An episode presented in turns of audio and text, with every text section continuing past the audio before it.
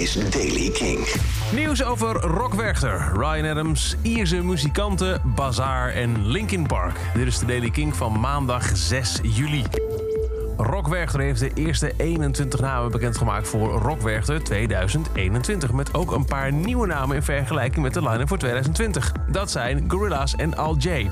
De 21 namen die nu bekend zijn gemaakt: 21 Pilots, The Pixies, The Lumineers, Tom York, Tomorrow's Modern Boxes, Rag Bone Man, The Streets, Cigarettes After Sex, Miles Kane, Fontaines DC, Gogo Penguin, Cave Town, Big Thief, Girl in Red, Black Pumas, Gorillaz, Al J, Jamie XX, Royal Blood, Nothing But Thieves en Boy Pablo.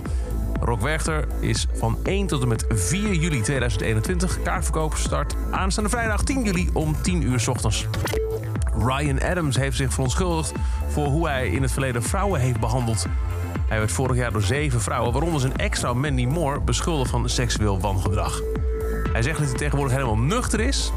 Dat dat ook een van de redenen is waarom het altijd fout ging. En dat hij uh, ja, ook eigenlijk geen woorden kan vinden om zich uit te drukken over hoe slecht hij in de loop van zijn leven en carrière mensen heeft mishandeld. Ik kan alleen maar zeggen, zegt hij, dat het me spijt. Zo simpel is het. Deze periode, periode van isolatie en reflectie heeft me geleerd dat ik dingen moet veranderen in mijn leven.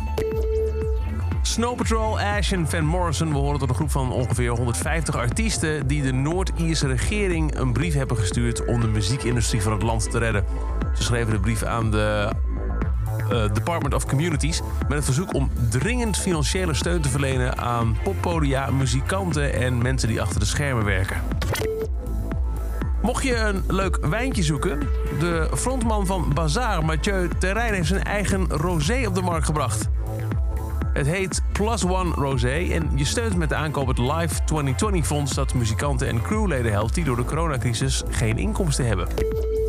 En In The End van Linkin Park is de tweede Linkin Park video die de 1 miljard views heeft gescoord op YouTube.